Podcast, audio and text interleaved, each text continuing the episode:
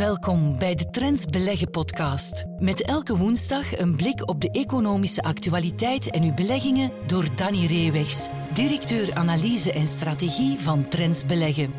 Deze podcast kwam tot stand met de gewaardeerde steun van Keytrade Bank, de onbetwistbare marktleider in online trading in België. Wenst u elke dag via e-mail meer tips en advies te ontvangen voor uw beleggingen en uw portefeuille? Registreer u dan gratis en vrijblijvend op de Trends Geld nieuwsbrief via trends.be/slash newsletters. Welkom bij de podcast van Trends Beleggen. Aan het einde van de aflevering zal hoofdeconoom van Keytrade Bank Geert van Herk u zijn kijk nog meegeven op de beursactualiteit van de afgelopen week. Eerst spreken we Danny Reewegs van Trends Beleggen. Dag Danny. Dag chef. Ja, en de moment van het jaar is er weer aangekomen. Absoluut. Jouw favorieten voor volgend jaar. Uh, voor de duidelijkheid, deze aflevering zullen we er vijf bespreken en volgende week zullen we de komende vijf bespreken. We doen het op alfabetische volgorde, dus geen verdeling per uh, België ten opzichte van de rest van de wereld. En dan zullen we meteen beginnen met jouw eerste aandeel, jouw eerste favoriet voor 2024, Aker BP, een Noorse olie- en gasspeler. Ja. Maar om uh, een beetje meer context te schetsen, wat voor speler is het precies? Het is een ambitieuze speler, een speler die een van de strafste groeiverhalen schrijft in de Europese olie- en gasexploitatie, de groei daarvan. om een idee te geven, tien jaar geleden deden ze enkele tienduizenden vaten uh, per dag productie of mhm. uh, equivalent, olie-equivalent. En nu gaan ze toch richting de 500.000, dus dat is wel spectaculair. Ja. Dus uh, gelinkt aan twee fenomenen. Eén, dat men een aantal dingen heeft samengevoegd. Hè. Dus de Akker ASA is een van, ja, is een beetje de holding van Noorwegen. En die hadden ook met Det Norsk een oliedochter een energiedochter. En die is dan samengegaan met de Noorse activiteiten daarvan BP, de, de, bekende grote internationale speler. En daar is dan enkele jaar geleden nog eens een uh, speler bijgekomen, de Lundin-familie. Lundin Energy is er ook onder gestoken. En die controleren nu eigenlijk uh, Aker BP uh, met, hun, met hun drieën. En het tweede aspect is dat ze een enorm oliefonds hebben gedaan, het Johan Sverdrup olieveld een beetje de ontdekking van de voorbije decennia in, uh, in Europa, in, in, in de Noorse wateren. En dat heeft natuurlijk ervoor gezorgd uh, ja, dat je een enorme spectaculaire groei hebt kunnen kennen. Maar het bedrijf is ook nog altijd ambitieus om die groei verder door te trekken. En dat moet terug mogelijk zijn vanaf 2027. Ja, want spectaculaire groei de afgelopen tien jaar. Maar als je nu specifiek kijkt naar het afgelopen jaar, 2023, ja. wat bracht dat voor Aker BP in zaken productiecijfers en financieel ook? Ja, dat mag, men mag tevreden terugblikken op uh, het afgelopen jaar. Die productiedoelstelling was 430 tot 460.000 barrels per dag. En men zal aan de bovenkant van de vork kunnen, kunnen eindigen. Ja. Um, daarna, daarnaast blijft men natuurlijk investeren in, in nieuwe exploitatie van nieuwe velden. Dus op dat vlak kan uh, operationeel kan Aker BP niet zeggen ja, dat het een slecht jaar was. Nou ja, en qua vooruitzichten voor volgend jaar, is het daar al iets, uh, heeft het daar al iets over verteld? Ja, dus we moeten geen spectaculaire groei verwachten op vlak van uh, productie omdat ze ja, vooral nu terug in een investeringsfase zit. Hè, dus, um, en dat er nieuwe uh, velden gaan ontwikkeld worden met de bedoeling vanaf 2027 opnieuw een groeifase te, te, lanceren. En dat is vrij uitzonderlijk. Hè. De meeste, zeker Europese mm -hmm. olie- en, en, uh, en, gasbedrijven zijn al blij dat ze de productie op peil kunnen houden. Dus vandaar dat dit toch wel een heel apart geval is in de Europese olie- en gasindustrie. Ja. Is dat dan de voornaamste reden ook waarom jij het in jouw favoriete lijstje voor volgend jaar hebt gestoken? Of, of zijn er nog andere aspecten uh, waardoor je zegt van dit is toch wel een speler om in de gaten te houden de kom het komende jaar? Ja, omdat het heel gevoelig is, net voor de olieprijs. Het is 85% van heel de inkomsten is olie gerelateerd, ja. hè, waar dat je de meeste olie- en gasbedrijven ja, zijn veel meer gediversifieerd. Ze hebben vaak ook uh, producties, uitbating van stations uh, bijvoorbeeld. Dus uh, petrochemie, hè, dat speelt hier allemaal minder het geval. Dus je hebt een pure play, mm -hmm. net als bijvoorbeeld met oliedienstenbedrijven op. op die olieprijs, die recent opnieuw is weggezakt door de vrees voor een recessie. Ik denk ook, gezien het nu gewijzigde beleid van centrale banken, dat het qua zware recessie in 2024 wellicht zal, zal meevallen. Hè. Dus dat is natuurlijk één luik. Aan de andere kant zie je heel duidelijk dat belangrijke spelers met Saudi-Arabië op kop er alles aan doen om het aanbod te controleren, mhm. eh, te zien dat er niet te veel wordt geproduceerd. En vaak in de buurt van 70 dollar zien we ja, dat men een extra inspanning doet. Dus ik denk ja, dat we toch mogen ervan uitgaan dat een olieprijsstijging in 2024 mogelijk is. En dan heb je spelers als Aker BP die daar goed voor zijn om daarop uh, in te spelen. En als de olieprijs stijgt, gaat ook de Noorse kroon het vaak eh, beter doen ten opzichte van de euro. Dus dan heb je misschien ook nog de kans voor een gunstig wisselkoerseffect. Schlumberger, de grote oliedienstspeler in Amerika, maar daar heb je dan de dollar. En de dollar, als de, eh, de Fed nu aankondigt het rentebeleid uh, aan te passen, zie je toch dat de dollar recent wat onder druk komt. Dus dat heeft ook een beetje meegespeeld. Uh, vandaar ja, die keuze toch voor Aker BP. Ja, ja, ja. Tot slot nog een vraagje over uh, beleggen in olie en gas. Uh, toekoer, ja, ja, want daar zijn wel wat ethische argumenten rond. We hebben net de kop gehad, waarin ja. dat de fossiele brandstoffen toch ook een hoofdrol speelden. Ja, hoe moeten beleggers daar naar kijken? Ja, ik heb er uh, verschillende aspecten om daarop te antwoorden. Eén is dat Aker BP op zich toch wel uh, enorme inspanningen doet en toch de ambitie heeft om tegen 2030, jawel 2030, als CO2-neutraal te gaan produceren, wat toch een koploper, een voorloper is in die industrie. Dus dat is denk ik uh, dat je ook ergens de, de ja. bedrijven die het best menen, het, het de meeste stappen vooruit zetten. Uh, en dat zie je helemaal niet bijvoorbeeld bij een aantal Amerikaanse oliebedrijven, hè, die toch eerder nog een beetje in die ontkenning van die realiteit uh, zitten. Dus ik denk uh, dat dat al een pluspunt is. En twee, ja, is het ook zo dat we voorlopig er niet zonder kunnen. Mm-hmm. en als die bedrijven die inspanning niet doen om de productie op te drijven, ja, dan gaat die prijs enorm stijgen. En hebben we gezien een energiecrisis, dat willen we ook niet. Uh, en die kunnen we niet afwenden alleen maar uh, voorlopig met alternatieve energie. Ja. En drie, natuurlijk, iedereen staat vrij om uh, te doen met die favorieten wat hij of zij eh, wil. Dus als zij zeggen, oké, okay, voor mij is dat niet oké okay om nog in uh, olie- uh, en gasproducenten te beleggen, ja, dan doe je dat gewoon niet. En nee. dan focus je op de andere favoriet. Ja, ieder zijn keuze. Maar ja. dan gaan we meteen over naar de tweede favoriet. Dat is eentje, je hebt er een paar afleveringen terug al naar verwezen. Albemarle, um, een lithiumproducent. Ja. Uh, dat ging toen ook in de aflevering over lithium. maar om nog een beetje kort te schetsen wat Albemarle precies doet. Ja, lithium is één aspect, maar het is wel voor beleggers nu het aspect, hè, want daar wordt het meest uh, over gesproken. Maar dat is eigenlijk een specialty chemist, uh, chemistry, dus ja. een speciale chemieproducent. Uh, ook bezig met hoogwaardige materialen, al heel lang trouwens. En ook een dividend aristocrat hè, zo op, in de S&P 500. Okay. Dus een bedrijf dat al meer dan 25 jaar altijd de dividend verhoogt. Dus dan heb je toch een bepaalde renommee, een bepaalde kwaliteit ook van management. Dus ik denk dat dat heel positieve aspecten zijn. Zij doen dat nu al 29 jaar. Mm-hmm. Op, op rij, dus dat is toch wel bijzonder. Uh, bewijst toch wel ja, dat het bedrijf een blijver is in die sector. Ja, ja en je zei het, lithium is wel het hoofdargument of het ja. hoofdelement om in rekening te brengen rond, rond deze speler. Maar is het niet tegelijk ook een risico? Hangt het niet alleen af van die lithiumprijs? En, en ja, bijkomende vraag dan, wat, wat kan die markt nog doen in 2024? Wat kunnen we daarvan verwachten? Ja, we, dit is een nieuwe markt, maar wel een zeer beloftevolle markt. Hè. Voor sommige, zelfs ervaren rotten in de mijnbouw, is dit een van de prachtige opportuniteiten voor dit okay. decennium en eventueel wel later. Waarom? Omdat we natuurlijk gaan naar heel de vergroening, de omschakeling, elektrificatie van het uh, wagenpark uh, onder meer.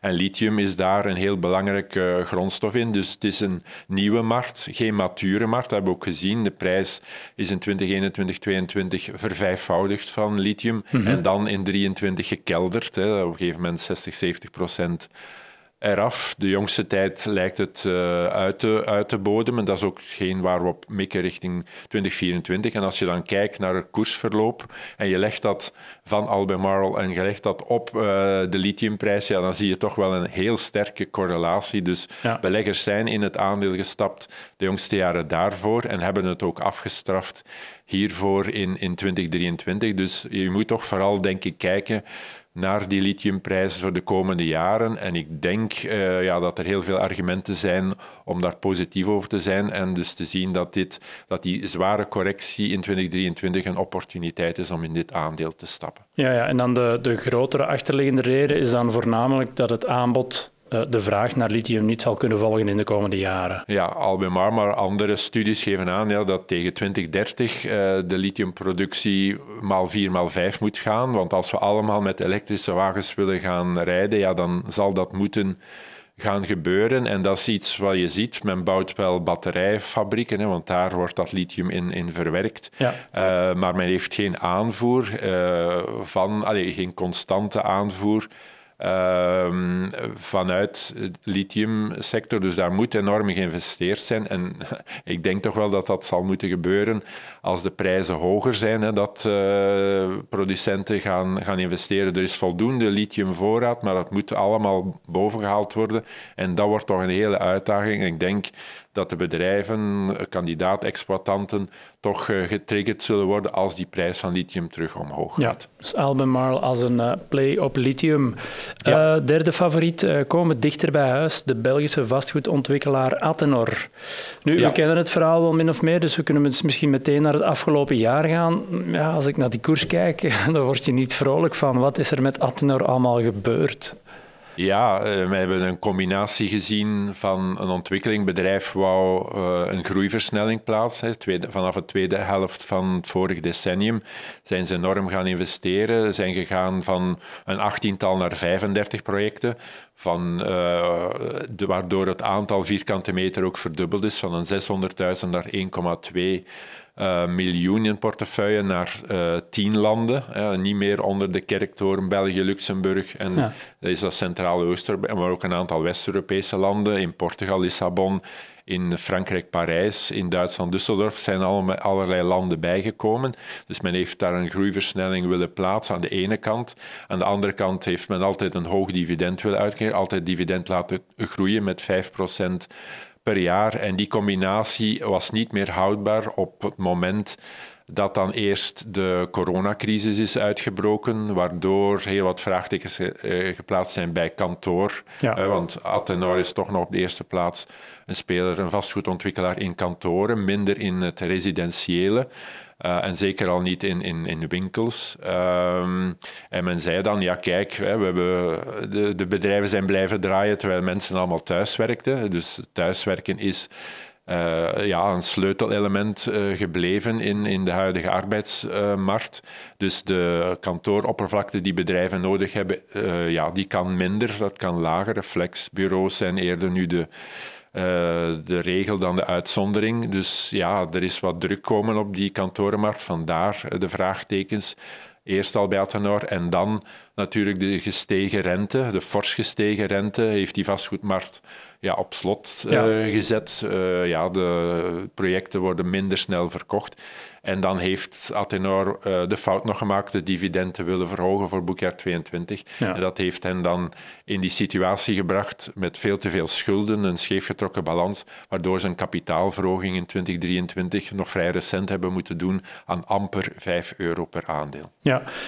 Dus dat is er allemaal gebeurd. Als je dan kijkt naar volgend jaar, verwacht jij dan enig heil voor Atenor dat die vastgoedmarkt wat losser zal kunnen komen? Dat ze de stukken van hun vastgoed zullen kunnen verkopen? Kan daar het herstel vandaan komen of heb je nog andere verwachtingen voor de speler? Ja, dat is natuurlijk essentieel en dat is wat we de jongste weken toch zien, dat de lange rente gaat dalen in, in anticipatie al op dat de inflatie onder controle is en dat centrale banken ook de korte rente terug gaan uh, naar beneden halen in, in 2024. Dat moet die vastgoedmarkt toch terug wat ruimte geven ja. aan, de, aan de ene kant. Aan de andere kant, uh, ja, waarom willen we dit naar voren schuiven als favoriet voor 2024? Heeft alles te maken met de beurskoers ten opzichte van intrinsieke waarde. Ja. ja, door die verplichte haast kapitaalverhoging om de balans recht te trekken. Ja, als dat aan zulke lage prijzen gebeurt, dat we eh, die, die waarde van heel die portefeuille, die is natuurlijk niet met 70, 80 procent gezakt, zoals de koers mhm.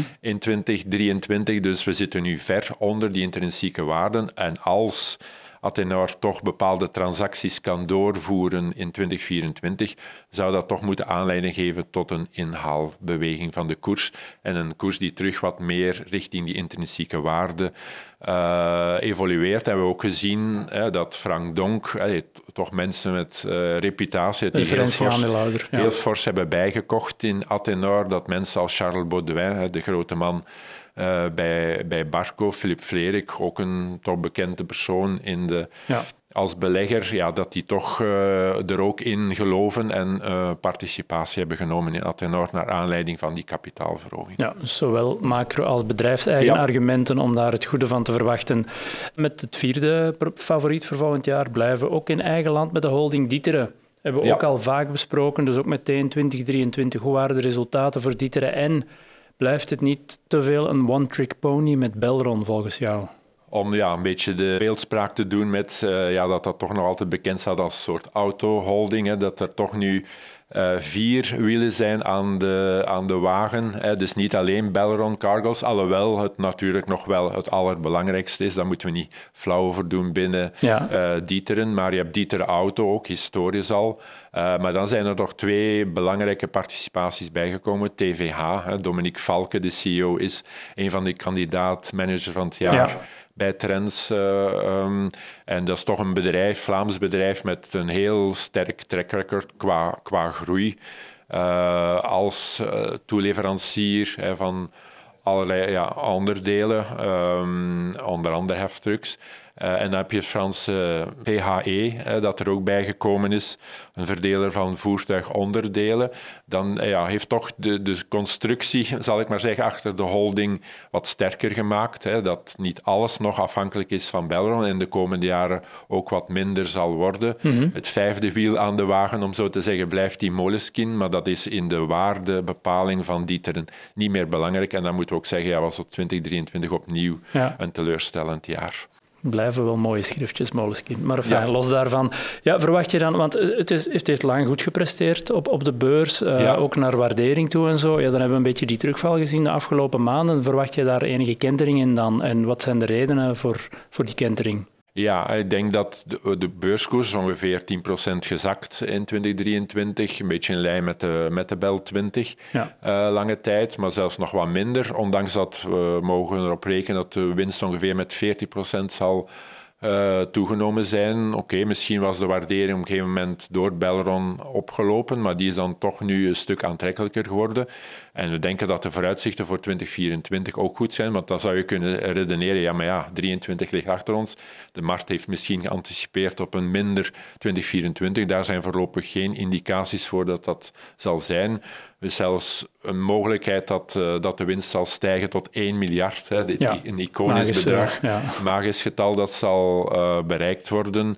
Uh, door, door uh, Dieteren, omdat uh, Belron en andere dochters toch nog altijd goede vooruitzicht hebben. Natuurlijk wordt het een goed of een zeer goed jaar. Dat zal voor een stuk afhangen van, van Belron hè, of van Carglass. Maar algemeen gezien, denk ik, zijn de vooruitzichten toch goed. En zou dat moeten leiden tot een herstel van de koers, een herwaardering van het aandeel in 2024. Ja, ja duurzame groei aan een aanvaardbare waardering. Ja. Uh, tot slot voor deze aflevering uh, gaan we weer internationaal naar Mosaic. Um, hebben we denk ik nog niet of bijna niet besproken op de podcast. Dus ja. misschien eerst even schetsen wat voor bedrijf Mosaic juist is. Het bedrijf zal volgend jaar zijn 20 jaar uh, jarig bestaan vieren. Is een fusiemaatschappij, een fusiegroep van IMC uh, Global, een meststoffenfabrikant. Ja samen met uh, de gewasbeschermingsafdeling van Cargill, hè, een van de mastodonten in, in de agro-industrie. Ja. Um, je hebt in meststoffen altijd drie grote afdelingen: de nitraten, de fosfaten en de kaliumhoudende, de potas. Um, Mosaic is wel gefocust op potas, op kaliumhoudend en op uh, fosfaten. Okay. Maar de jongste jaren hebben ze ook mede door overnames zich gefocust op het landbouw, op de nieuwe landbouwreus Brazilië. samen met Argentinië toch opkomend, heel hard opkomend geweest voorbij decennium uh, in die industrie. Uh, daar hebben ze een aparte dochter die niet alleen uh, meststoffen produceert, maar ook distribueert. Okay. Wat dan natuurlijk wel de resultaten wat, wat tempert.